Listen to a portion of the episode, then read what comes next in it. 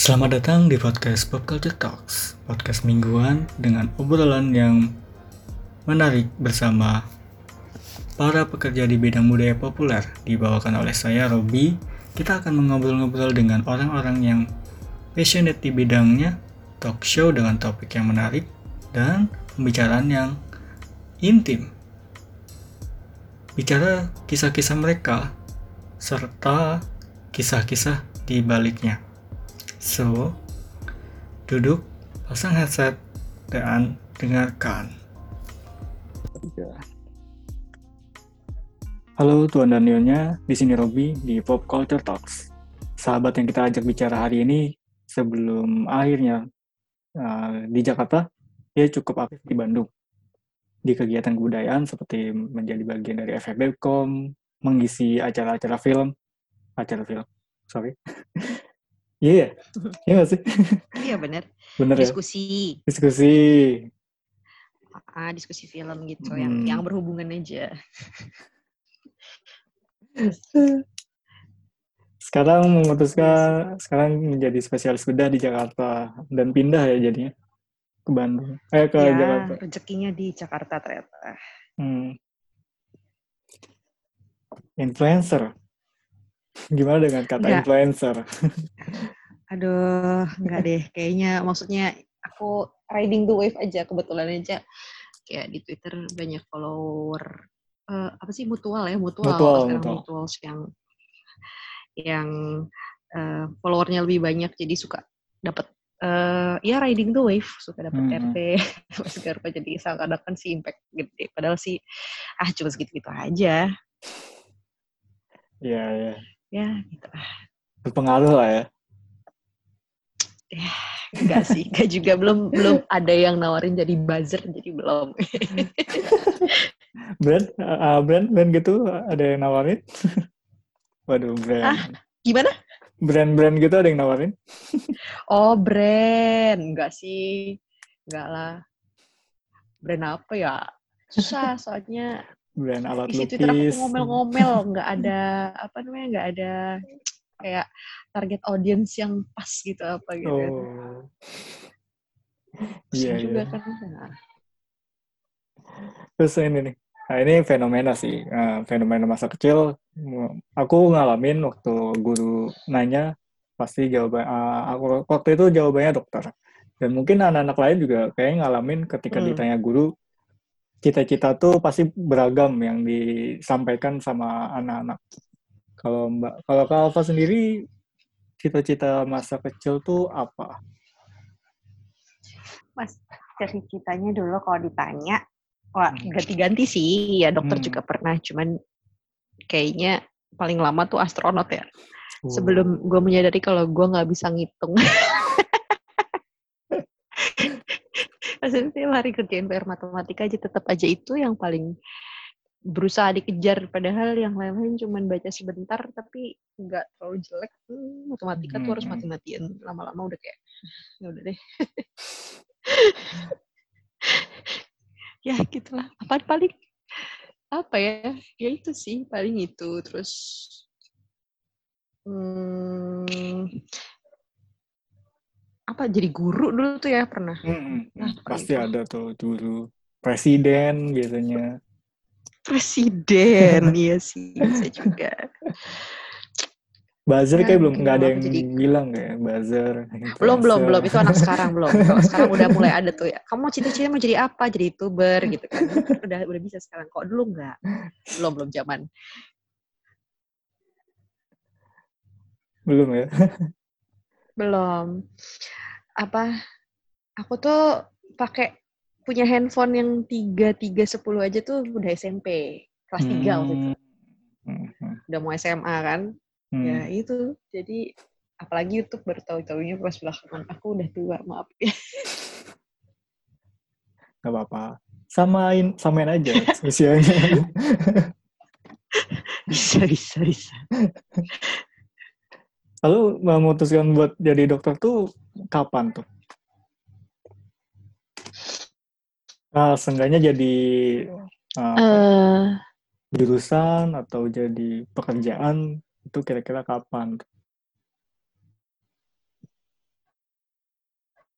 penjurusannya. Oh iya sih. Hmm. Ke situ dulu waktu SMA emang. Yang kira-kira yang bisa dikerjain apa ya angkatan apa ya? Ya, generasi kita kan masih ya masih generasi gue maksudnya masih um, mikirin ya kuliah buat kerja gitu. Hmm, sekarang enggak betul, sih? betul. Ya enggak sih? Karena gitu kerjanya apa masih yang masih bisa masih. dilakukan ya? Iya. Jadi emang gue jelek banget kak, bukan apa ya gimana ya? Gue selalu harus berusaha ekstra kalau hitung-hitungan gitu ya. Hmm. Dan sudah berusaha ekstra pun itu hasilnya nggak kayak orang lain gitu. Haha.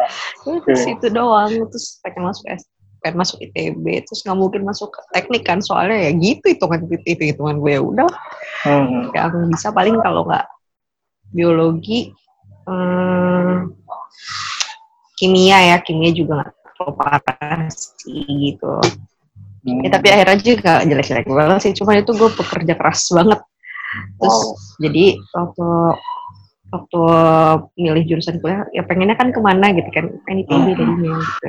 Apa yang bisa ya? Biologi.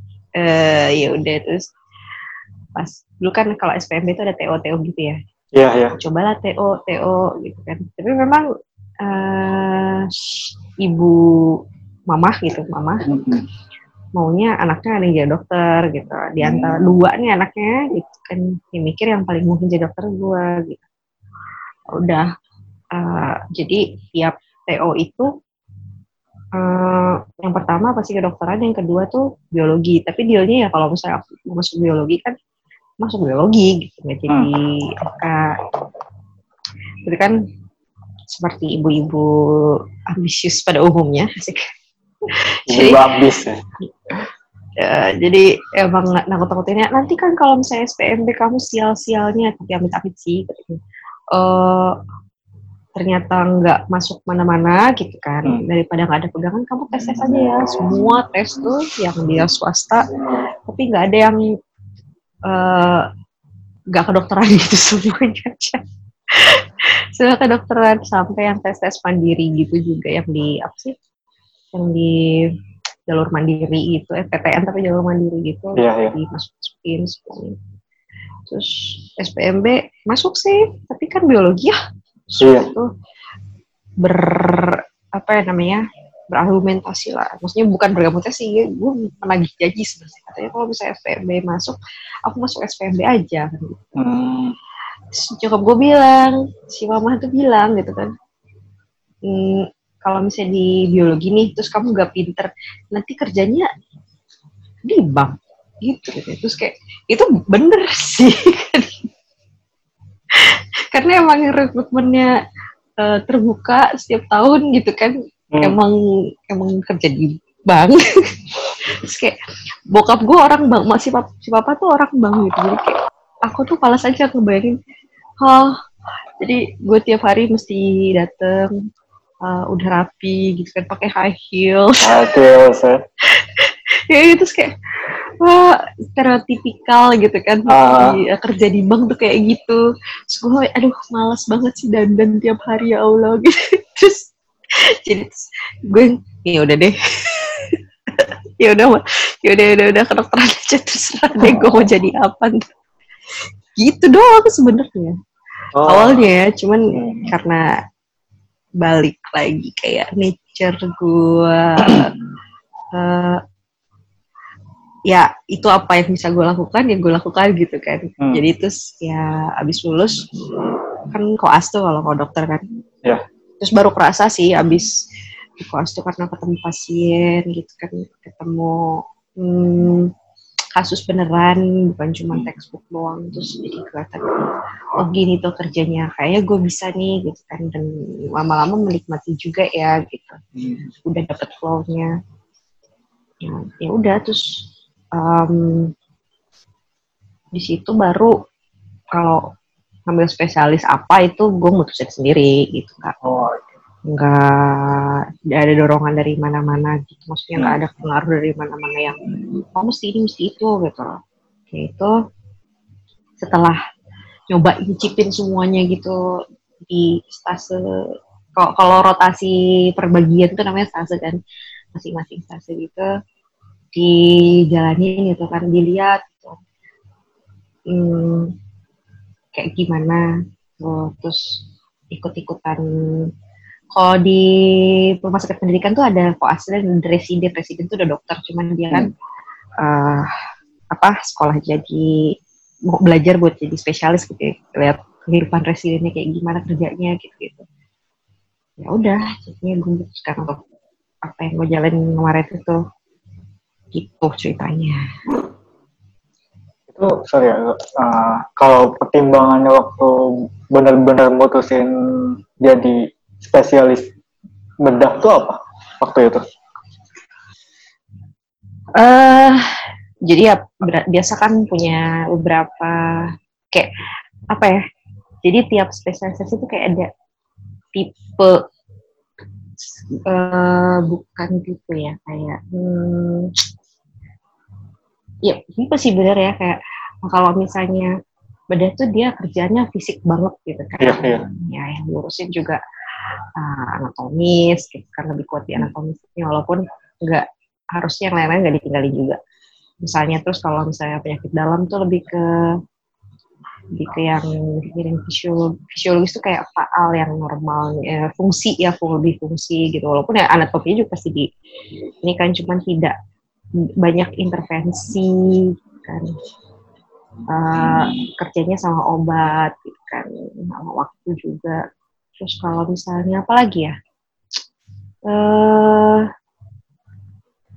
ya macam-macam ya kayak oh kayak patologi klinik bisa atau radiologi itu kan beda lagi gitu kayak apa dapat sampel terus di, dianalisis terus mikir gitu kan kayak hmm. tapi ya jarang ketemu pasien. Jadi benar-benar hmm, gimana nanti ke, ya kita bisa ngebayangin cuman kita bisa cuman kita cuma bisa ngebayangin uh, diri kita mau kerja kayak apa tuh kalau udah lihat dan atau ya ya lihat-lihat gitu udah, udah pernah paling nggak ada lah orangnya depan kita gitu gini gitu yeah. kan nggak bisa cuma cerita doang gitu.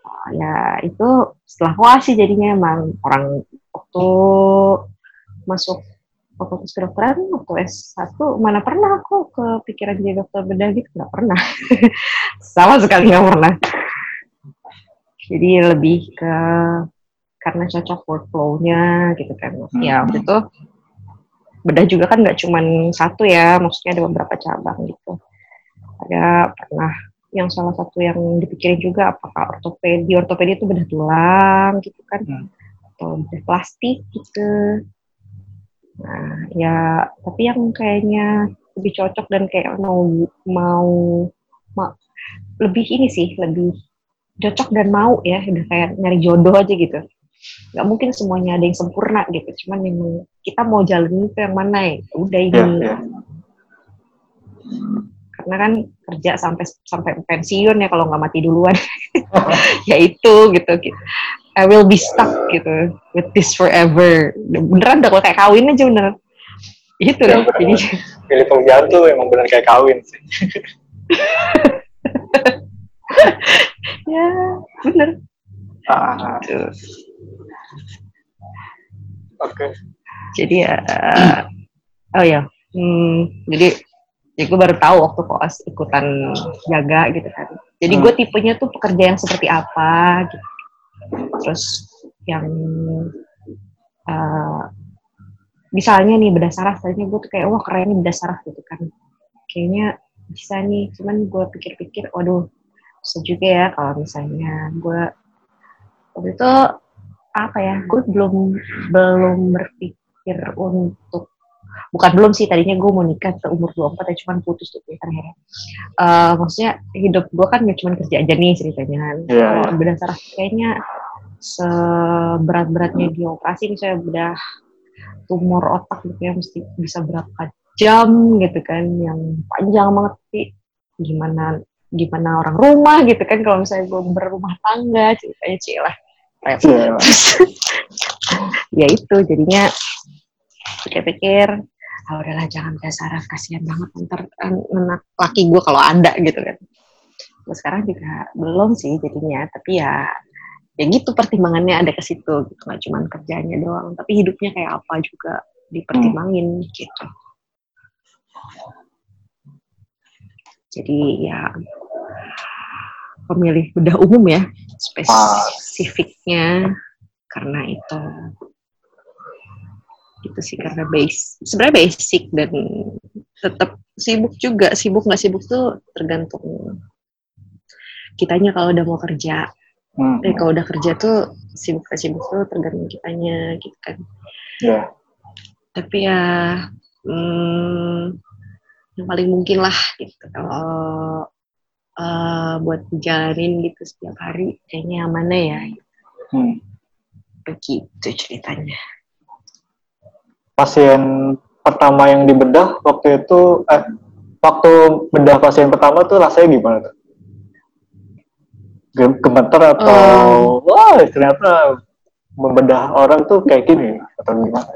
Nah, nah itu yang gue nggak tahu ya, karena uh, kenapa gue bilang nggak tahu? Karena gue itu uh, sebelum sekolah itu sempat magang sama hmm. dokter bedah di rumah sakit daerah, daerah ah, gue waktu itu di Bandung juga.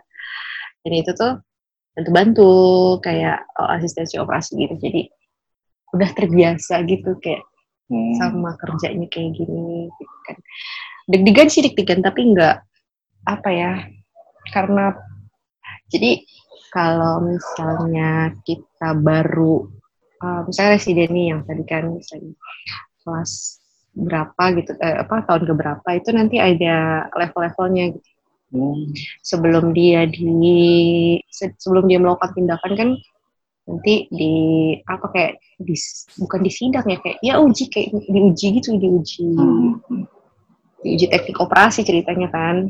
Ah. nah itu nanti tanya-tanya di kalau misalnya kalau misalnya kayak gini gimana? Kalau ternyata yang kamu ketemu ini gimana cara menyelesaikan masalahnya gitu kan itu di situ dulu kan nah baru di situ ditemenin ceritanya Nah, sama uh, supervisor.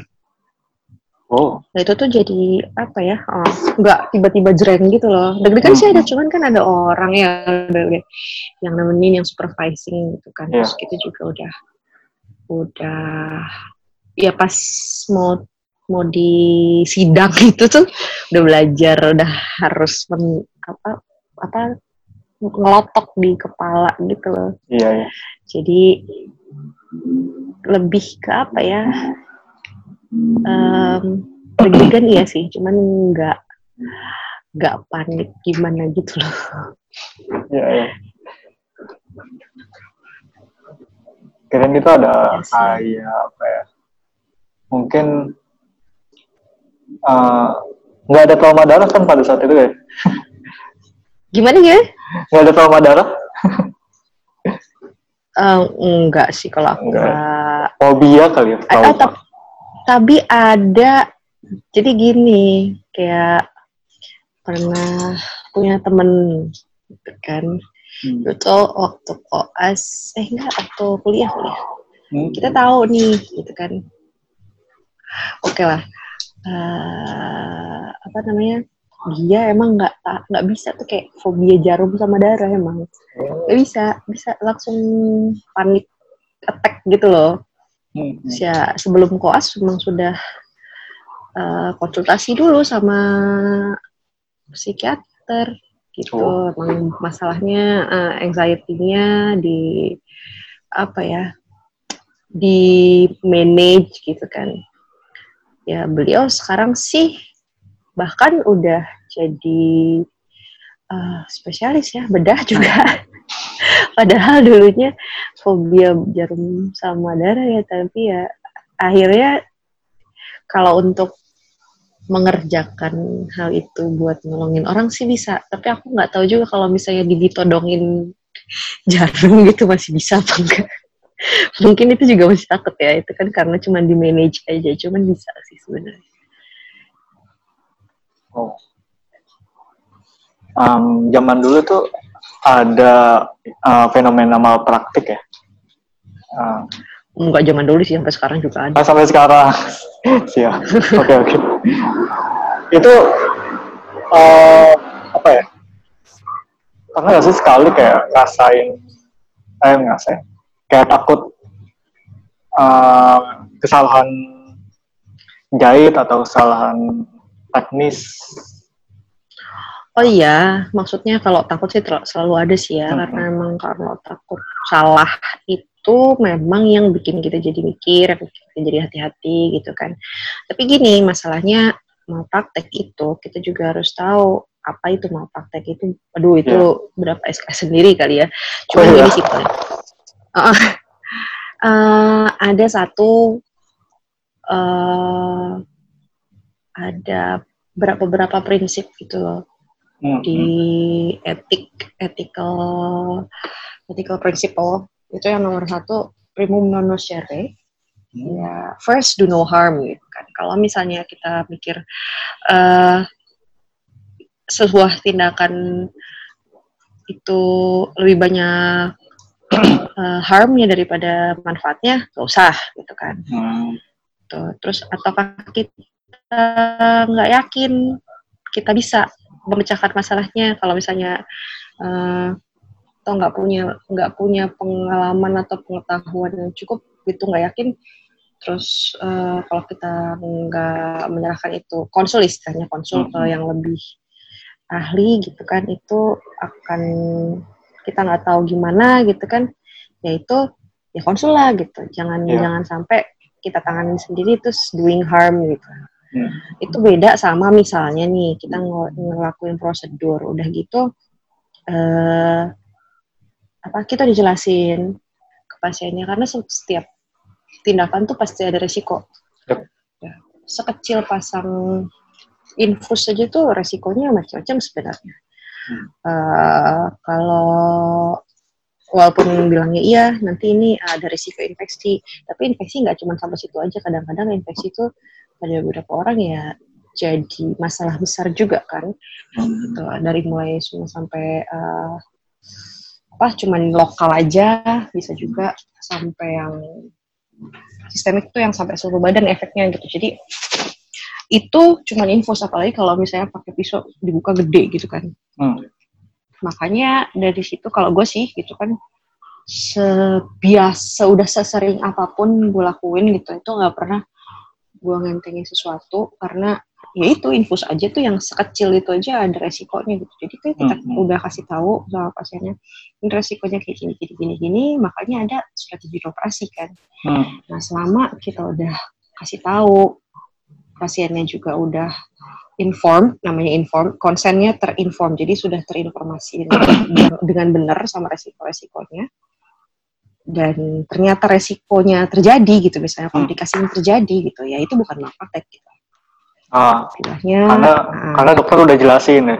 Uh, ini. Udah jelasin dan hmm. semua asal semuanya tuh ada dasarnya gitu loh. Hmm. hmm. Misalnya ternyata ternyata pun ada yang harus dilakukan di tengah-tengah karena ditemukannya lain waktu hmm. operasi sama yang waktu sebelum operasi karena kadang-kadang ya kita kan nggak tahu kan orang belum di dibuka tuh kalau kotak belum dibuka kata kata katanya misalnya kamu dikasih kotak ketutup yeah. nih ini hmm. buat kamu isinya buku ya di pas dikocok-kocok itu oh kayaknya bener nih buku gitu kan hmm. hmm. nah bisa aja pas dibuka gitu kan ternyata emas wow gitu. Atau kue. Atau kue gitu. Oh atau ke semuanya kue aja iya kayak gitu kan. Uh, apa ya? Ya kita, kita cuma bisa tahu kalau kita buka gitu kan. iya iya. Nah hmm, kayak gitu gitu uh, tuh nggak sekali dua kali terjadi gitu. Jadi uh, emang harus dikasih tahu aja pasiennya. Kalau hmm. perlu aku keluar ruangan operasi terus jadi karena yang ditemukan ini harus diginiin gitu kan. -hmm prosedurnya ada perubahan atau ada tambahan gitu. Itu harus hmm. selalu dikasih tahu aja sih. Dan hasil dan pengobatan itu tidak berhenti habis operasi gitu. Jadi setelah operasi pun kan ada lukanya tuh. Hmm. nah ini juga suka jadi masalah karena itu juga termasuk dalam resiko dan komplikasi operasi ya infeksi. Luka operasi sama ya kayak infus. Infusnya bisa infeksi apalagi luka operasi ya. Yep. itu yang kadang-kadang ya itu yang harus benar-benar di apa ya di manage dengan benar lah gitu kan. Hmm. kalaupun terjadi gimana caranya? Kalau kita butuh konsul ya konsul lah gitu kan. Gimana lah supaya pasien itu nggak neglected aja. Bukan. Jadi di intentnya juga gitu kan di niat kitanya juga gitu kan untuk ya apalah yang terbaik buat pasien kalau misalnya udah nggak bisa lagi ya berarti naikin gitu jangan semuanya di naikin maksudnya ke yang lebih ahli ya gitu. jangan Hmm. semua dipegang gitu Hmm. ya aku bukan superhero lah istinya istilahnya gitu. Iya. gitu jadi kalau takut mau praktek tuh em, gimana ya aku takutnya aku tuh em, kalau takut ada ya cuman Hmm. secara intent tuh nggak pernah ya karena kayak misalnya misalnya nih jualan jualan kayak ini bu obat bagus gitu kan yang lebih tinggi padahal ada generiknya gitu kan. Kalau misalnya kayak gitu bener dikasih tahu aja sama pasiennya. Ini saya ada rekomendasi yang misalnya eh, obatnya lebih bagus tapi ada generiknya gitu kan. Ibu Ya, mau ya. yang mana gitu. Itu harus dikasih tahu nggak cuma tiba-tiba dia yang ini yang mahal gitu. Itu itu kalau misalnya nggak ngomong itu borderline ya itu debatable sih sebenarnya. Mau praktek Hmm. bukan cuman eh, karena kan nggak boleh jualan ya sebenarnya nah tapi eh, ya itu asal dikasih pilihan dan pasiennya tahu pilihannya apa aja dan dia yang Hmm. pilih secara sadar ya enggak sih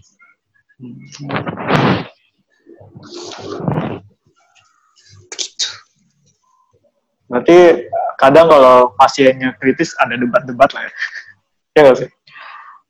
kalau kita debat sama eh, keluarga nih ceritanya sama Ah, apa siapa diskusi. ya jelas kita kasih tahu sama apa option-optionnya lah gitu Ah, terus kita kasih tahu juga eh resikonya gitu. Eh, gimana ya karena gua kerja di Jakarta dan rumah sakit rujukan banyak sebenarnya orang tuh beruntung iya. kalau misalnya gua nggak di sini di sini orang-orang di sini tuh beruntung karena ya beda banget Sa. sama di Bandung juga beda banget karena di sini berasa gue punya banyak pilihan untuk Hmm. misalnya rumah sakit gue tidak bisa menangani gue masih banyak pilihan eh, rumah sakit yang lebih tinggi gitu kan kalau Hmm. misalnya di Bandung atau di Jawa Barat tuh gak banyak loh sebenarnya Nggak banyak, yang kelas A gitu Ah, nggak terlalu banyak makanya kalau di Jakarta tuh ah pokoknya banyak banget lah yang kelas aja eh apa rumah sakit tipe yang paling tinggi aja ada berapa nggak cuma RSTM aja gitu Hmm. itu lebih enak sih. Jadi kalau misalnya emang merasa nih pasiennya terlalu berat untuk dikerjain di untuk dirawat atau dioperasi di rumah sakit gua jadi ya ngomong aja gitu kan. Hmm. Tapi kalau misalnya dia masih ngotot misalnya maunya di sini aja ya kasih tau aja resikonya apa gitu kan. Hmm. Sampai kalau berat banget kita eh, nggak bisa karena nggak nggak ada ICU gitu kan. ICU-nya misalnya kadang-kadang kalau bisa berat tuh terus operasi harus masuk ICU ICU-nya tuh nggak ada tuh gitu kan. Jadi mungkin harus rujuk. Nah pas ngerujuknya ini nih yang uh, susah kan di pasien gitu. Kalau misalnya di Jakarta banyak pilihannya kalau Hmm. yang di daerah waktu sekolah suka di daerah gitu kan di daerah Jawa Barat maksudnya daerah mana lagi daerah Jawa Barat itu kan kadang-kadang di kota-kota yang uh, lebih Tasik Garut atas Garupa itu kan tetap rujukan paling tinggi RSCM eh RSCM. RSAS di Bandung Hmm.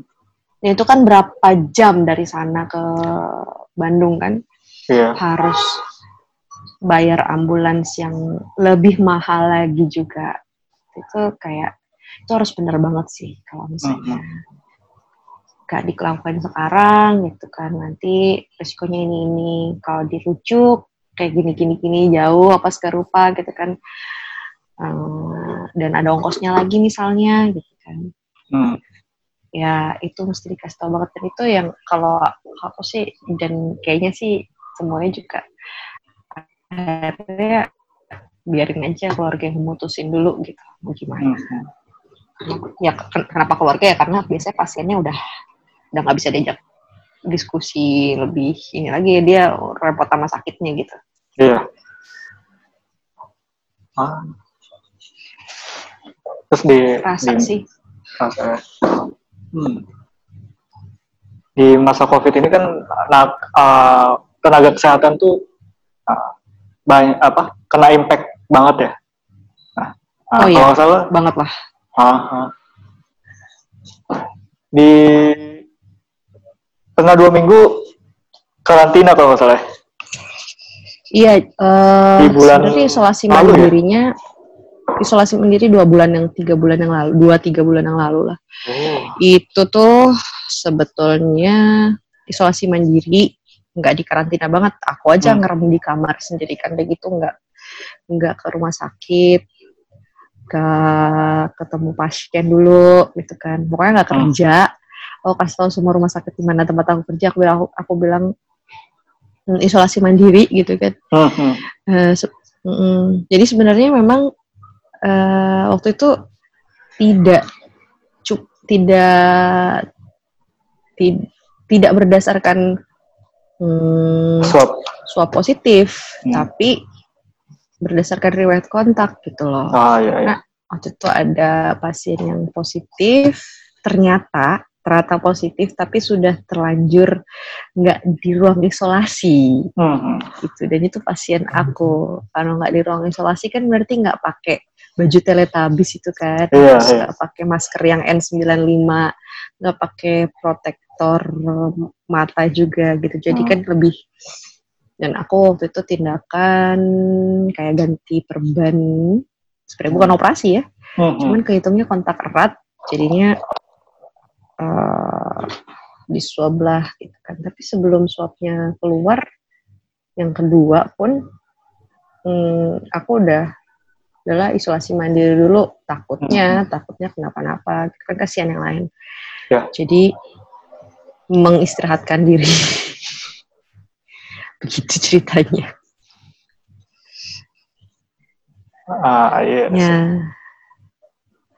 Dan um, kan dua dua minggu tuh hmm. itu hitung dari kontak um, sekitar 10 11 hari. Kayaknya nggak ada tanda kenapa-napa juga walaupun aku swabnya yang kedua belum dilakukan hmm. ya akhirnya ya bisa ya udah gitu keluar tapi pakai masker yang itu N95 masih mahal banget oh, jadi kayak mahal. di di lapis-lapis gitu terus keluar dan walaupun belum bisa operasi juga gitu kan tapi udah ya lihat pasien di bangsal gitu kan oh dengan ya ya dengan extra protection aja gitu karena hmm. takut aku nggak tahu kan tapi jauh-jauh juga nggak ada tindakan gitu kan takut aja. Tapi tapi itu ternyata uh, sampai swab kedua sih negatif alhamdulillah ya udah bagus lah gitu. Ya sudah gitu jadinya hmm, ya nggak apa-apa sih nggak masalah menurut aku kalau saya emang negatif. Ini kan preventif ya daripada kecolongan hmm. lagi. Iya iya maka dari itu ini ya keluar aturan uh, sebelum operasi itu harus swab test ya iya jadi sebenarnya gini kalau di rumah sakit aku kan operasi itu waktu itu juga aku nggak operasi apa ya oh operasi itu ada dua golongan hmm. lah ya hmm. hmm yang emergensi dan yang nggak emergensi yang terjadwal hmm. nah operasi beberapa bulan yang lalu tuh sampai berapa bulan yang lalu tuh aku nggak melakukan operasi yang terjadwal karena terlalu hmm. beresiko nggak lucu dong pasiennya dioperasi misalnya tumor payudara yang cuma 3 cm tumornya hmm. hilang tiba-tiba dia dapat covid kan nggak lucu kan iya, iya. dari ruang operasi jadi emang hmm, kalau yang ter uh, terjadwal itu semua pasien harus di swab mau nggak mau suka nggak suka gitu. Kalau nggak ya nggak yeah. sih. Kalau tapi beda kalau misalnya pasien yang di dalam jangka waktu dekat dia operasi itu berarti di rapid aja. Tapi kan kita tahu ya rapid itu agak kurang kurang reliable gitu kan. Ah, uh, uh, tetap di rapid dua kali terus hmm. uh, tapi ya kitanya juga proteksinya nggak kayak yang udah eh, yang nggak nggak kayak yang dulu gitu loh. Tapi tetap aja sih pasien-pasien yang swab negatif juga aku sekarang udah pakai apa sih dulu waktu sebelum covid aku kalau operasi nggak pernah pakai face shield gitu loh. Google hmm. juga males-malesan. Nggak kalau sekarang yang mau negatif mau positif bisa pakai aja. Karena serem kali pun ya itu ah. uh, aerosol gitu kan. Jadi sebenarnya kan yang bikin bahaya nya meningkat kalau dari operasi itu kan kalau kalau ada orang bilang uh, COVID itu uh, menular lewat udara loh gitu kan bukan cuma uh, droplet aja sebetulnya gini yang betul-betul udah di apa diamati gitu kan bisa juga dilihat sih jurnalnya itu hmm. tuh dan dan dikonfirmasi itu sebetulnya yang membuat dia stay di udara itu proses aerosolisasi. Jadi um, kayak misalnya apa sih aerosolisasi itu? Jadi membuat si uh, material material apa droplet itu jadi lebih kecil dan hmm. dia jadi melayang-layang di udara intinya gitu. Jadi aerosol kan. Itu tuh kayak uh, kayak gitu tuh banyak di rumah sakit kayak alat oksigen gitu kan. Jadi memang dia makanya meningkatkan um, resiko. Gitu. Apalagi kalau ada ruang operasi itu ada ventilatornya, gitu kan, ada alat bantu napasnya, itu juga uh, bisa menimbulkan efek aerosolisasi itu, makanya itu zona merah sebenarnya. Kalau jangan sampai cross gitu loh, mm -hmm. infeksinya dari pasien satu ke pasien yang lain. Gitu. Jadi emang ruang operasinya sebisa mungkin kalau pasien yang udah terkonfirmasi negatif dari swab sama pasien yang emergensi ya sebelum itu misalnya dibersihin dulu kek, di UV dulu kek gitu kan. Biar nggak ya biar nggak cross infeksi tadi gitu. Benar-benar harus apa ya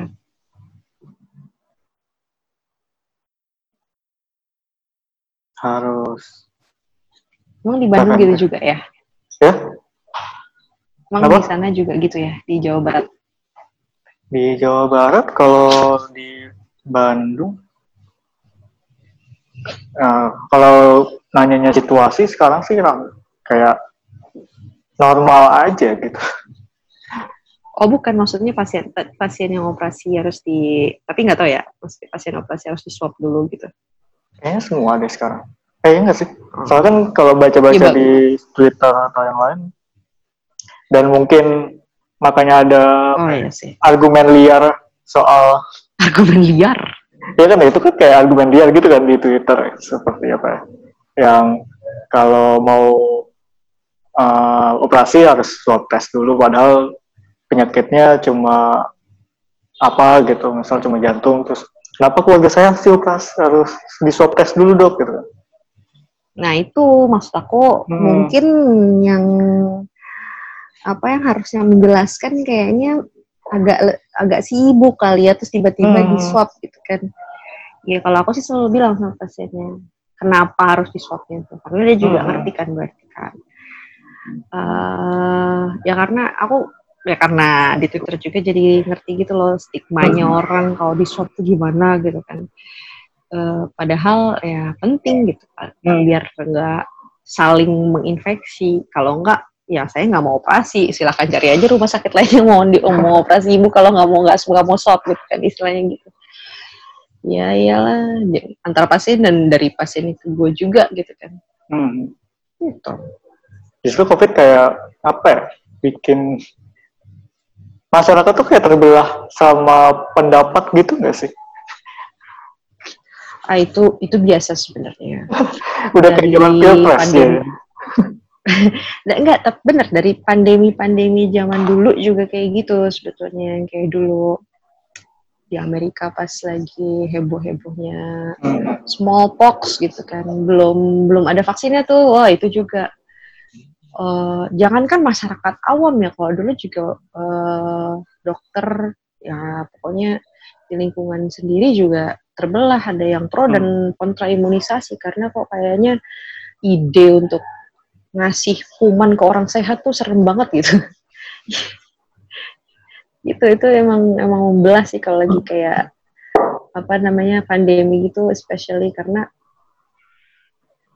eh, apa ya karena em, yang bisa tapi sebenarnya sebenarnya kalau pemer- pemerintahnya reliable ya misalnya kayak yang di eh, Selandia Baru. apa ya contohnya misalnya mungkin Singapura Oh, ya, setelah dia baru ke ini ke kejauhan. kebagusan Oh, kebagusan. kejauhan dan kebagusan gitu maksud gue oke lah maksudnya yang reliable apa enggak tuh mungkin susah ya bilangnya tapi yang dipercaya lah sama pemerintah pemerintahnya dipercaya sama rakyatnya gitu Mhm. untuk tidak menutup-nutupi kayak Korea Selatan lah ya gitu kan Ya, ya. itu Oh, tuh- Taiwan. atau Taiwan. Mereka kayak di kooperasinya bagus dan orang eh, si pemerintahnya juga mempercayai bahwa orang-orang akan bertindak menurut apa yang eh, logis gitu. Hmm. Ya itu mungkin tidak akan terpecah ya. gitu. Hmm. Melek apa ya melek statistik mungkin Ah, sedikit-sedikit. betul, betul. Ya gue juga nggak bukan bukan apa ya bukan gue juga kan tadi tahu ya matematik gue jelek ya cuman kalau secara logika tuh kan gue belajar em, metode penelitian gitu kan Hmm. dan itu harus itu juga harus harus lulus itu jadi Hmm. masih inget kalau metodenya doang jangan suruh jangan curung itu Ya sebenarnya kan Eh. kayak ini ya, kayak logika dasar sebenarnya kan mikirin seperti itu ya. ya Basic logic. ya jadi Ah, di mana dari mana keluar angka segitu berapa sampel yang dibutuhin kayak gitu-gitu loh maksudnya Hmm. kira-kira dengan populasi seperti ini gitu kayak hmm. kita bikin seperti itu aja tuh dasar banget itu kalau orang nggak ngerti ya akan bilang macam-macam juga gitu Iya, iya. dan kalau pemerintah yang dia sukses programnya kan Hmm. ini dia eh, membuat kebijakan berdasarkan data dong ya gitu kan Hmm. ngasih datanya ini eh, statistik dong ya gitu nggak Hmm. mungkin kita ada 100 juta orang semuanya di, di- diambil buat sampel tuh ya sekarang sih kayak eh, sekarang sih bisa ya karena Korea Selatan begitu gitu ya. Kalau Hmm, misalnya eh pas awal-awal kan enggak ya? Hmm. pasti diambil sampel. Tapi orang percaya karena em, ya orang percaya sama orang sana percaya sama pemerintahnya.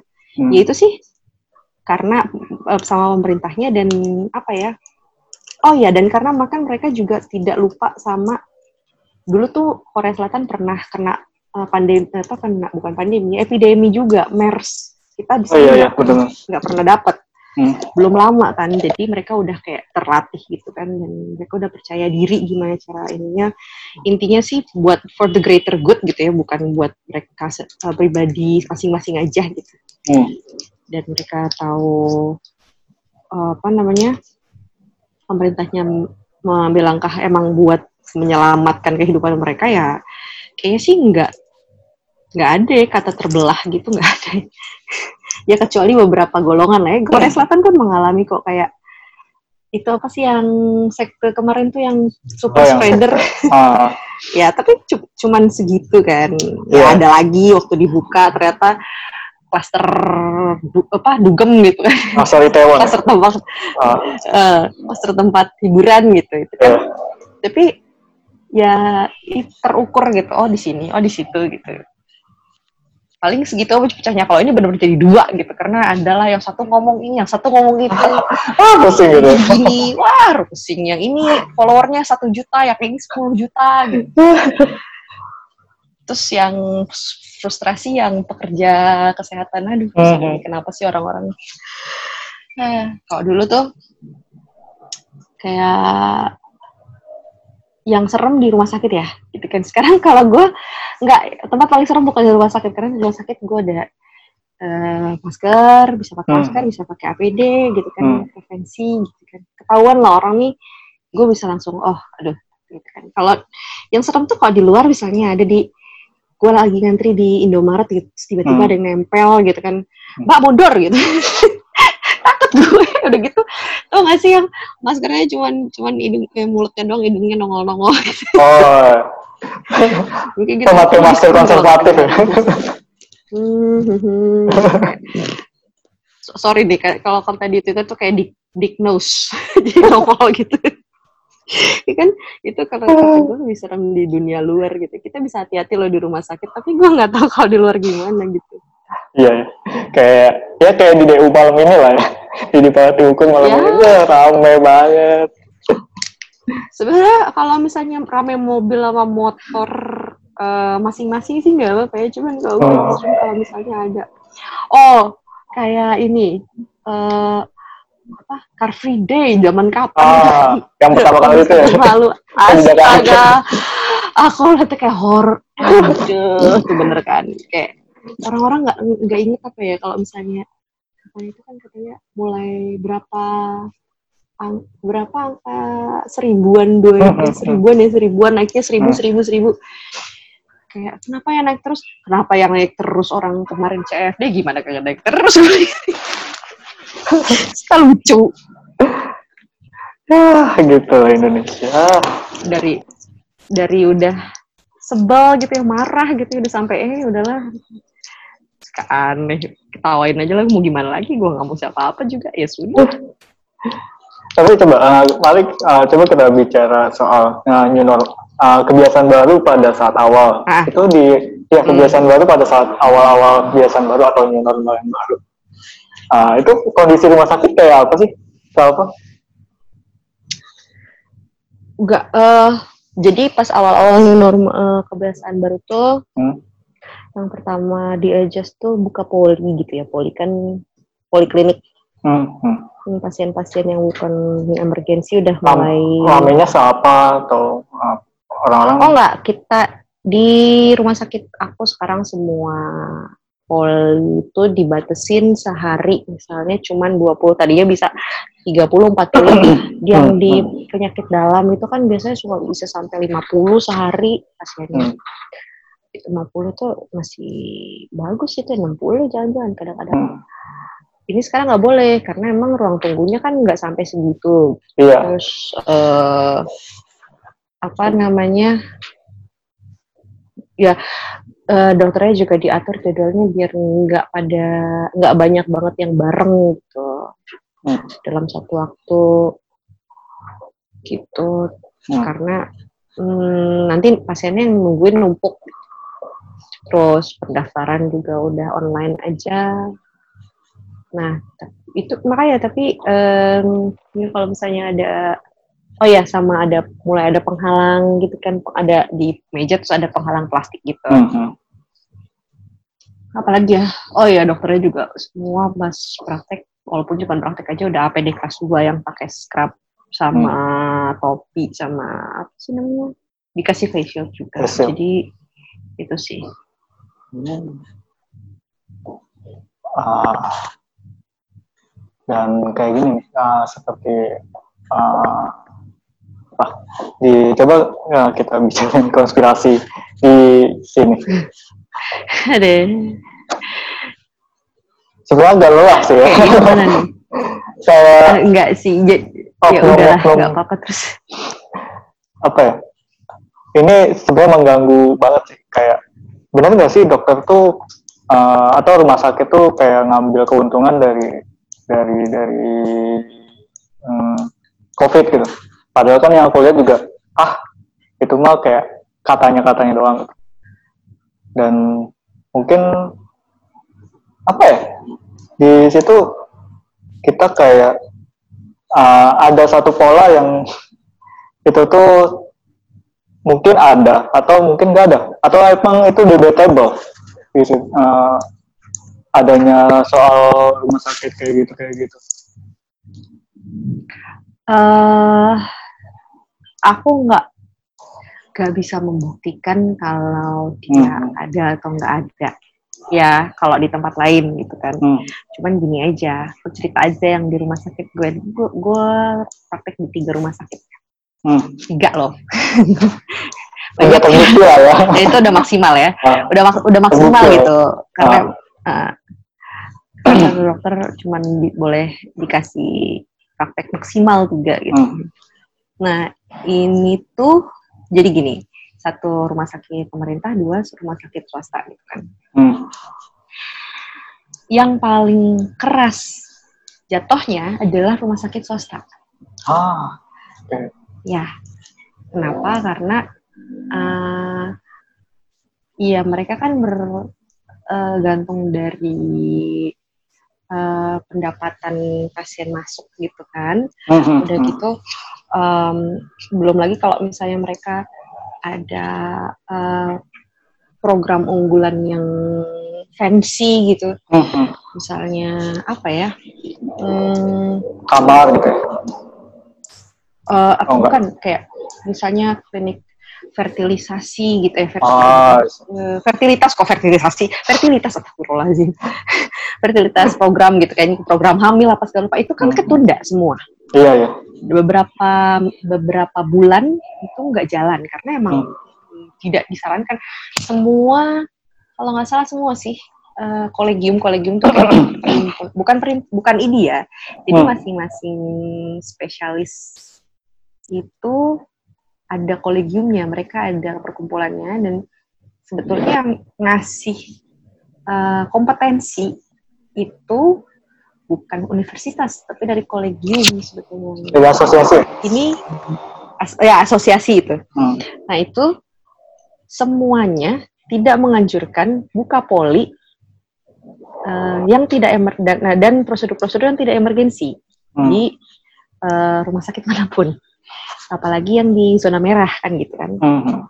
Ya jadi berarti klinik-klinik fertilitas gitu kan nggak uh, ada kunjungan dong. Hmm. Betul betul. Ya kan? Nggak ada kunjungan. Terus uh, apa namanya? Ya otomatis berkurang sepi banget gitu kan. Hmm. dan ya mau dapat dari mana duitnya? Terus berarti kayak ya. kerja yang lain lah ya dapat uh, dampaknya udah nah, kena. Kan kerja ya, lain kayak iya banget. Hmm.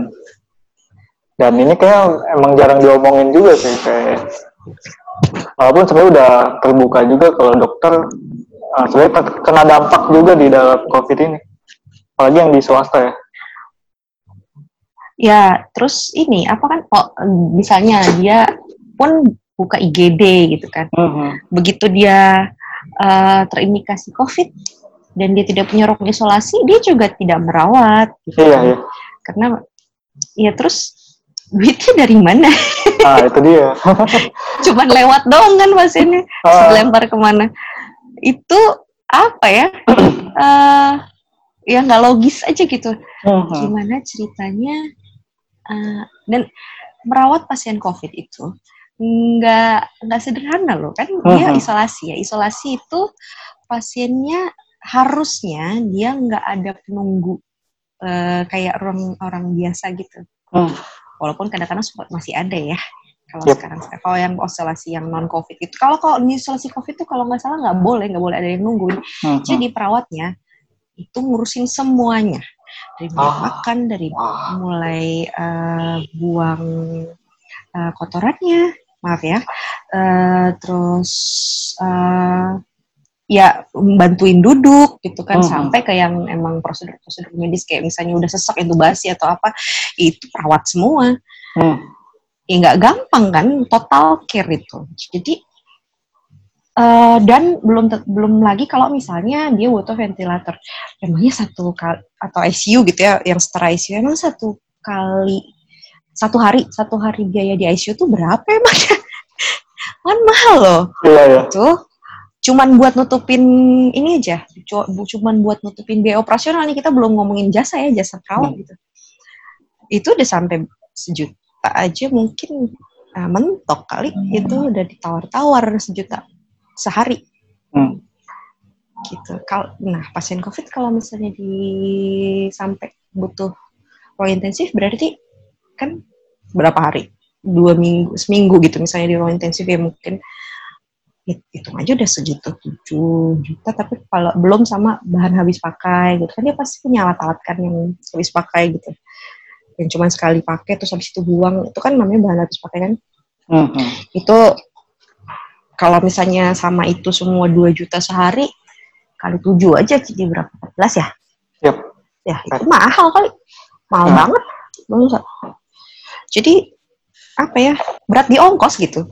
Hmm kalau bilang apa ngambil untung ngambil untungnya dari mana? Aku juga nggak ngerti jadi udah gitu memang kalau masa pandemi gini kan diatur oleh negara eh, diatur dalam undang-undang emang pembiayaan oleh negara bukan hmm. uh, ini ya kalau misalnya terkonfirmasi ya.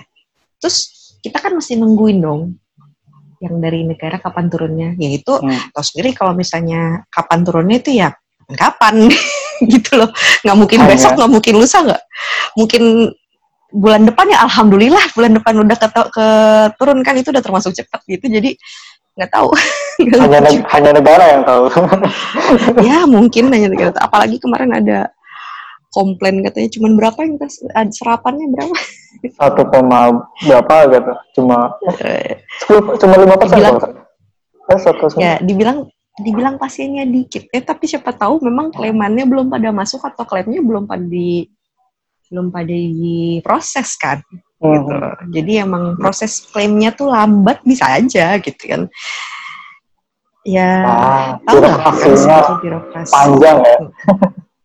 Iya, iya, gitu. Ya, yang betul sih itu ya. Ciri khas. Kalau rumah sakit, mm, pastilah. Kalau rumah sakit, um, kalau rumah sakit uh, negeri itu atau pemerintah daerah tuh lebih secure karena karena apa ya? Karena dibiayai. Karena emang, oh ya, uh, maksudnya gini. Tapi walaupun dia dibiayai dan disokong sama entah itu APBD atau APBN ya. Hmm. Uh, tapi dia dituntut juga buat bisa menangani pasien COVID. Jadi memang harus mau nggak mau dia harus mengoptimalkan itu gitu. Kalau emang dia cuman bisa sampai bikin ruang isolasi tanpa ventilator, ya mak maksimal di situ. Tapi harus punya. Kalau nggak punya ya bikin, beneran bikin. Hmm. Jadi rumah sakit itu juga satu lantai yang tadinya ruang isolasi biasa yang memang ngejala pernafasan kayak saya TBC gitu kan ada ruang isolasinya. Itu jadi ruang isolasi COVID sekarang di yang lain-lainnya hmm. yang non COVID itu dibikin satu lantai yang tadinya kantor apa gudang gitu itu satu ruangan lagi biar uh, kapasitasnya nambah. Dan itu di harus karena harus bisa. Emang disokong tapi harus. Mau nggak mau. Hmm. Gitu jadi ya ada trade offnya lah hmm. dan itu sebenarnya uh, buat um, tergantung dan semua turun ya remunerasinya pembagian ini ya pembagian pembagian jasanya turun jelas hmm. karena kunjungan juga turun sama kayak swasta tapi nggak terlalu anjlok karena punya IGD dan kita juga pada dasarnya selama pasiennya kita masih bisa punya fasilitas buat ngerawat kita nggak boleh nolak, nolak pasien hmm. BPJS kayak apa kayak gitu kan kalau di rumah sakit uh, negeri dan masih ada tempat gitu kan ya walaupun kunjungan poli berkurang tapi pasti pasien-pasien yang di dari IGD masih banyak ya hmm. tuh masih masih ada aja jadi tidak sejatuh itu bagian jasanya cuman itu buat yang hmm, esensial gitu kan. Ada yang hmm. yang benar-benar rumah sakit harus punya tuh ada. Jadi pelayanan rumah sakit yang rumah sakit harus punya misalnya penyakit dalam gitu kan. Nggak bisa tuh remunerasinya terlalu jauh gitu kan. Karena kinerjanya juga selama pandemi kan dia terus yang yang kerja gitu kan. Nggak bisa nggak bisa diberhentiin. Karena penyakit dalam sama spesialis paru tuh kayak ujung tombak banget kan. Hmm. kalau misalnya kayak bedah gitu pasti berkurang karena emang kurang pasiennya lagi bedah-bedah yang lainnya yang pasiennya terjadwal semua. Wah itu. Jatuh sampai UMR kayaknya ada. Apa dua kali UMR kurang lah. Oh iya wow wow. Itulah makanya maksudnya nggak apa ya nggak masuk akal juga gitu oh cerita-cerita itu tuh nggak masuk akal ah kebuka sih gila gila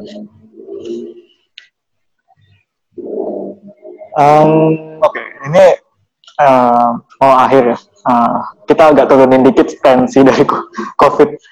Soalnya agak seru. Oh ya ini, ini tuh gimana ya? Ini aku buka aja soalnya karena orang kan ngomongin duit mulu kan ya, gitu kan. Ini iya. kasarnya aja dari yang emang ngobrol-ngobrol sama teman sejawat gitu kan. Emang hmm. kan kita kadang-kadang kulturnya kalau ngomongin gaji itu tabu gitu ya. Tapi iya, kalau misalnya kayak gini kan nanya ya, iya. lo berkurang nggak? berapa sekarang gitu oh, ya ampun gue segini gitu kan iya habis gimana kan gitu karena semua ya, apa ya semua bagian sisi ekonomi sedikit, gitu. ini terdampak sebenarnya kan uh, nah iya dan bisa pasiennya ada tuh uh, bedah tulang apa bedah saraf gitu yang di rumah swasta kan yang tidak pakai BPJS biasanya pengusaha. Pengusaha yang uh, yang ya, main retail ya, gitu kan punya oh, gitu. punya toko gitu kan dagang gitu kan. Kan mereka tutup tokonya. Yep, yep. itu uh, dan mereka nggak mau sakit patah tulang juga kayaknya nggak akan ke rumah sakit yang biasa langganan hmm. yang nggak pakai BPJS itu. Karena tokonya nggak bisa buka. Gitu aja sih. Gampang kan? Jadi ya nggak ada iya, iya. masuk juga sebenarnya. Ya udah. Gitulah kira-kira kasarnya. Gitu guys. Kita turunin tensi dikit terus uh, aku penasaran sama uh, kenapa Kak Alfa uh, ngelukis? Ini oh, lahir. sih aduh. Tiba-tiba jadi ngelukis. Karena Wah, kita turunin tensinya Iya guys, jadi kalau misalnya kamu pernah kepo Instagram, oh Instagram, oh Instagram bener Instagram ada. Instagram dan Twitter. Kadang-kadang nah, suka sharing-sharing, terutama Instagram udah artwork semua ya. Itu salah eskapis bukan sih? jadi bukan escapism juga. Jadi kalau misalnya udah pernah scrolling sampai bawah itu ada muka aku semua gitu. Jadi kadang-kadang gimana ya karena karena Instagram ini kalau khusus buat Instagram. Jadi dulu kan orang rame tuh Instagramnya mm -hmm. semua diposting. Aku tuh kayak udah agak late to the hype gitu. Mm. Bukan karena sok-sok anti mainstream bukan karena bingung aja mau posting apa gitu kan di Instagram. karena uh, foto tuh bukan bahasa aku istilah Cela. Cela. Jadi ya terus waktu itu terus mulai uh, karena baru lulus kayaknya baru lulus koas gitu kan ya terus hmm. mulailah belajar dandan ceritanya. Jadi yeah. menggambar wajah. ada post dan dan dan oh nggak baru aja benar-benar. Baru aja ya. Terus waktu itu lagi mulai naik tuh kayak beauty influencer yang kayak Niki tutorials kan. Dan dulu tuh aku udah nonton itu terus hati gitu-gitu. Terus hmm. ya ikut-ikutan aja nyoba-nyoba lipstick. Terus akhirnya ikut mulai posting yang ya ala-ala gitu kan. Tapi lama-lama bosen juga liat muka gue ya gitu. Eh kayak muka gue gini-gini aja gitu kan mas. Usaha menggambarnya sia-sia kalau di muka gitu. Uh, gimana ya? Kalau misalnya scene yang di apa beauty scene gitu di Mhm. sosial media gitu itu tuh sama sih sama semuanya kayak semua harus update gitu loh kalau misalnya Robby mengikuti beauty influencer yang proper gitu ya tiap ada Aduh. produk baru tuh Gimana? ah tiap tiap tiap ada produk baru tuh update gitu kan Iya, iya. capek kadang-kadang ngikutinnya lama-lama iya kayak terus kan duit juga kan buset akhirnya off lah ya itu Instagram terus eh, kenapa gue cerita ini karena akhirnya 2000 berapa tuh 2000 2018 akhir mulai gambar lagi dan Hmm. eh, tadinya sih cuman gambar-gambar aja karena gue lagi apa ya mungkin bisa dibilang krisis bukan quarter life krisis gue udah tua itu udah lewat quarter quarter life Iya. Kukira quarter life crisis pasti dialami semua usia, usia. ya juga ya tergantung umurnya berapa ya quarternya berapa. Iya. nggak nggak gitu maksudnya. Gini kalau orang kan waktu dulu eh saatnya empat tahun kuliah satu gitu kan abis itu pusing kan cari kerja kan.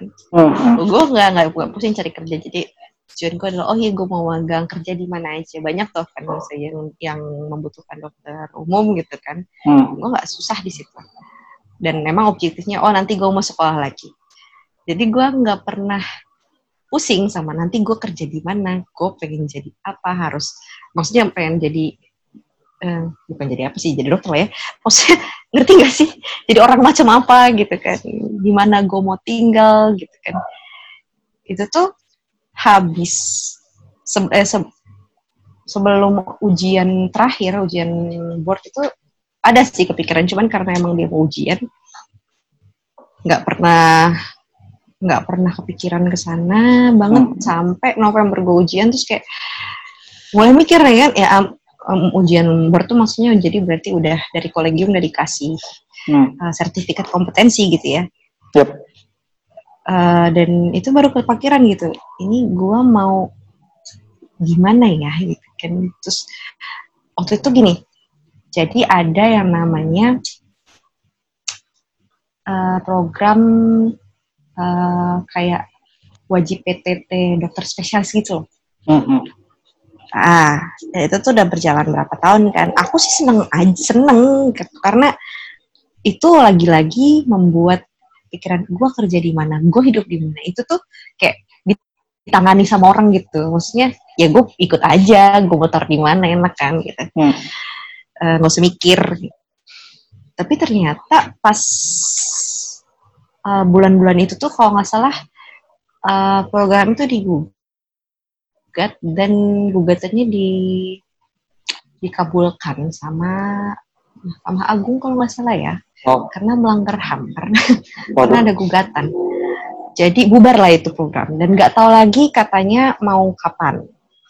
Eh, katanya mau dibikin program baru yang serupa tapi lebih voluntary gitu tapi nggak tahu kapan. Jadi makin pusing lah ya gue mau ikut nungguin apa gue mau cari kerja sekarang gitu kan. Apa gimana? Itu tuh pusing banget orang kerja cari kerja sekarang gimana caranya karena jasa gue baru Februari gitu kan. Hmm. banyak banget di kepala gue kayak eh, pusing gitu. Ini mau dengerin aja pusing kan? Itulah terus suka marah-marah jadinya kan. Jadi tahu kenapa akhirnya kayak pernah gak sih kayak bad mood terus habis itu ke mana gitu jalan-jalan? Dan Wah, sering kayaknya. Kalau sibuk beli ya. sesuatu yang impulsif gitu. Sering. Nah ya kayak gitu. Gue juga kan Desember itu gue juga tiba-tiba impulsif aja ke toko art shop gitu. Terus kayak udah gue beli cat air. Gitu terus gue beli aja terus akhirnya iya.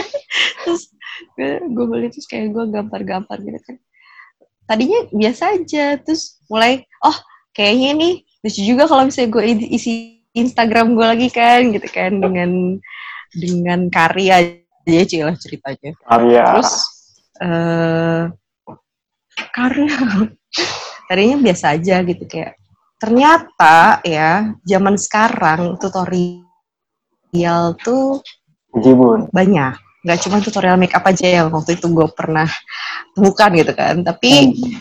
ternyata tutorial buat uh, belajar gambar ngelukis watercoloring itu udah banyak banget sekarang dan itu tuh bikin gue lebih explore lagi ternyata hmm. asik dan terutama oh dulu sih dulu pernah gue sampai SMA pernah sering gambar Oh, Udah seneng okay. gambar di belakang buku catatan gitu loh yang coret-coret doang. Hmm. Tapi kan coret-coret ini kayak lidi-lidian gitu. jadi lidi-lidian. Gak sih, gue dulu kan sedang anime kan, jadi ala-ala kartun anime cibi-cibi gitu. Oh, oh pokoknya konyol-konyol. Ya, nggak nggak bagus-bagus banget sih, justru karena gue gue bilang gue pikir alah ini mah nggak bakalan jadi apa-apa gitu ya, jadi gue berhenti gitu Yuk. Terus gara-gara itu sama ketemu tutorial-tutorial macam-macam dan especially watercolor sih karena dia beda banget sebenarnya dari yang selama ini gue uh, pegang kan. Dia ada kayak aspek menenangkannya gitu loh. Jadi bisa bikin lebih rileks dan kalau misalnya gue pengen nongkrong di mana nggak malas ngomong sama siapa gitu. Jadi gue gambar aja jadi nggak kelihatan grumpy. Terus jadi keterusan. Karena ternyata ya ya itu kayak nggak cuman buat apa ya bukan cuman buat uh, arti nya sendiri tapi buat gue buat well being gue juga gitu. Hmm. dan akhirnya. Akhirnya makanya sampai sekarang sebenarnya akhirnya dan sampai sekarang sebetulnya kalau misalnya ditanya ehm, commission enggak gitu-gitu tapi kayak eh, ya kalau misalnya gue nafsu aja kalau nggak mau kalau nggak nggak apa-apa ya. Nggak diterusin. Karena nggak bisa gitu karena emang gue melukis watercoloring gitu itu hmm. buat hmm, apa spiritu spiritual well being emotional well being oh. gitu. jadi nggak nggak bisa dipaksa gitu hmm, me time ya paling nggak ya terus belakangan ini kayak uh, mulai setiap hari gambar gitu kan tapi nggak harus harus bagus-bagus banget ya maksudnya hmm. meluangkan waktu dikit lah gitu itu tuh ya bikin habit aja gitu itu lebih hmm. apa ya lebih stabil lah hmm. emosi ya nggak grumpy grumpy sih masih kadang-kadang apalagi kalau PMS cuman yang lebih manageable lah hmm. sepertinya kalau ada commission dari galeri kayak bakal diambil Oh, itu tekanannya berat banget. Gak lah, kira. Tapi apa ya? Ya kemarin baru-baru ini emang baru mulai ngerjain oh, proyek ya bukan kok yang itu ya yang kue ya kayak apa ya itu kue satu hmm. yang udah jadi ada lagi oh. itu kayak seri gitu dan itu lebih berat lagi sih dan mungkin nanti bisa lihat kali ya nanti kayaknya belum lah nggak udah nggak lama lagi kayaknya bisa lihat. Itu, itu tuh sebetulnya dasarnya mau bantuin temen aja. Gitu kan tapi uh, dan ternyata emang si temennya ini juga mem, apa ya namanya punya usul tapi kalau dia terbuka banget sama hmm, sama sama apa yang gue kerjakan. Kalau misalnya gue bilang uh, kayak gini aja dan jadinya begini gitu kan dia nggak masalah dan hmm. tapi akhirnya gue, gue bikin lagi gitu kan gue ulang bah bahkan terus akhirnya dia lebih suka. Itu kayak terus-terusan itu berapa gambar berarti ya? Empat atau lima gitu. Kan itu ternyata gue baru apa ya menyadari kalau ini adalah beberapa bulan ini gue mau ngerjakan hal ini buat orang lain gitu. Dan oh. eh, itu baru banget sih buat gue dan ada positifnya juga gitu kan. Mulai mengakomodasi uh, permintaan audiens. Itu tapi enggak sih. permintaan pasar ya? Enggak bukan yang permintaan pasar ya benar. Pasar sudah ya, diciptakan. Ya, uh, klien yang ada tuh kan yang klien yang apa aja salah? Nggak. Jadi emang ini lihat-lihat orangnya sih gitu kan. Kalau misalnya terlalu demanding gue juga kayak nggak kuat. Kadang kan kerjaannya udah kayak gitu gitu ya. Lah ini kerjaan baru. Demandnya lebih gila lagi ada pusing. Ya udah gitu yang santai-santai aja lah ya. Tapi kalau misalnya ada pameran yang diperuntukkan untuk uh, pekerja-pekerjanya dokter itu gimana tuh? Misalnya ada galeri ada galeri yang topiknya uh, senimannya yang dari profesi dokter. Itu diambil. Ya, loh.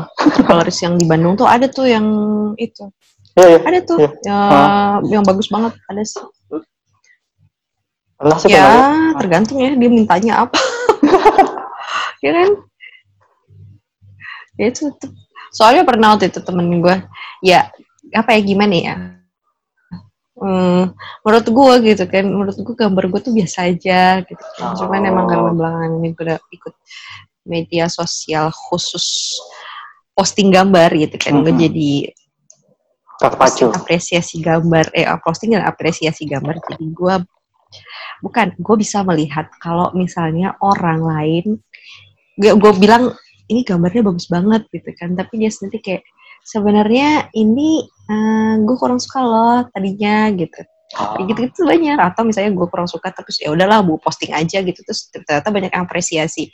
Itu Hmm. kayak eh apa ya membuka mata kalau oh enggak kok kerjaan lo bagus juga gitu kan sebenarnya cukup bagus buat orang lain padahal di mata lo kurang gitu kan kurang detail kurang apa terus ya tadinya kan berdasarkan itu sebelumnya pernah ada apa kayak bukan rekrut apa ya kayak eh, ya pembukaan gitu buat submisi terbuka gitu buat suatu pameran. Terus temen gue suruh gue ikut terus kayak gue, gue kayak apa nih gue kayak gini-gini aja gitu kan.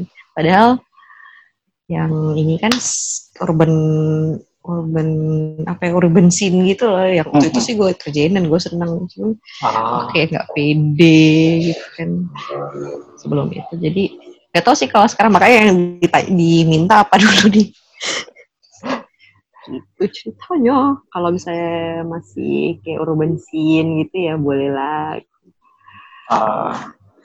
Kalian kemarin yang museum macan arisan seni itu ikutan gitu. Oh arisan. Eh itu di museum aja nama bukan? Yang open submission itu kayaknya galeri nasional apa? Museum macan sih yang terbaru yang arisan seniman. oh bukan bukan. Ini kayak tahun lalu. Oh. tahun 2019 itu. Apa waktu itu apa ya? Eh, nggak tahu sih gue masih kurang ini aja. Dan gue kerjain kayak ma- masih banyak orang yang bagus yang bikinnya cuman sekarang sekarang ah ya udahlah. Gambar aja gitu ya untuk uh, me time. Untuk me time kayak gini loh apa namanya itu kayak berusaha mempercayai mata dan tangan sendiri gitu. Iya, iya. gitu. Betul. kan kita lihat referensi nih misalnya dari live atau dari foto itu kan gimana cara kita nangkep uh, persepsi si, si bentuk yang dari dari hadapan kita tuh mau di uh, apa matanya ditangkap ketangkap- ketangkapnya gimana gitu Hmm. kan terus abis itu mau digambarnya gimana nih tangan gua gitu kan itu kan uh, kalau kitanya udah ah ini kayak gua nggak bisa gambar kayak gini gua nggak bisa itu nggak akan bisa emang Hmm. udah selesai sampai situ. Tapi kalau misalnya, nah ini nih yang gue suka dari yang terakhir-terakhir gue lakukan itu kan gue jadi ikut uh, media sosial khusus gambar. Dia ngeluarin prompt, prompt itu kayak petunjuk gitu. Terus kadang-kadang misalnya uh, apa ya, eh, gue prompt ini gue pengen gambar orang gitu, tapi kemarin-kemarin kayaknya gue agak kurang pede sama gambar profil gue atau apa. Tapi ya udahlah aku coba aja gitu kan ternyata bisa dan apresiasinya bagus. Jadi ya berarti sebenarnya gak jelek banget dong. Hmm. ya udah. Itu terus gue mulai mulai percaya untuk akan gue melakukan hal itu gitu. Itu kayak oh iya dan sebenarnya gue mulai gambar lagi karena waktu itu kasih juga jadi uh, biar mata dan tangannya masih bisa latihan gitu walaupun bukan latihan melek orang ya biar koordinasinya bagus ya itu sih jadi hmm. nggak hmm. cuma buat me time aja tapi emang melatih latih tangan dan mata sekaligus relaksasi ya oh. itu ini banget ya multifungsi banget gambar tuh buat gue yep, sebenarnya yep. Oke, okay, uh, eh, waktu kita ngobrol udah, udah satu jam kayaknya. Uh, Kalva ada yang mau? Oh, iya, iya. iya oke. Okay. Oh iya iya iya. Kalva mau ada yang disampaikan terakhir? Sebelum kita tutup? Apa ya? Oh ya, gini aja deh. Ya, uh, ya semoga pandemi cepat bisa teratasi karena nggak tahu dia emang um, berlalu atau kita ketemu obatnya atau vaksinnya. Cuman hmm. sekarang-sekarang ini karena belum ada jadi hang on. Tetap sehat tetap waspada gitu kan. Karena bah, walaupun misalnya kita kita gitu kita kita masih muda.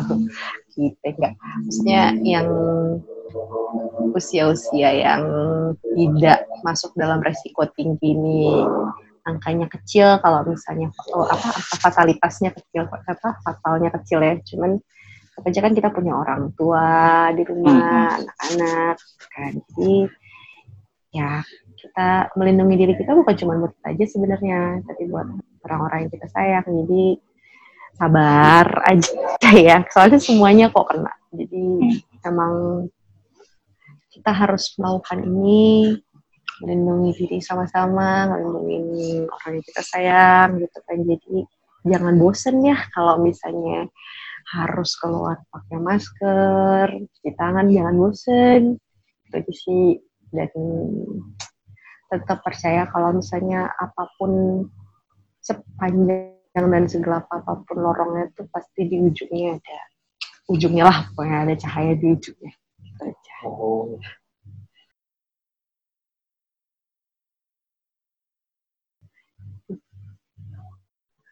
Saya lebih dan Alfa. Ya, dan Alfa. Uh, oh, aku ya iya dan Alfa. Terima kasih semuanya. Uh, selamat malam dan bye. Oke kita. Oke. Okay. Huh. Bye.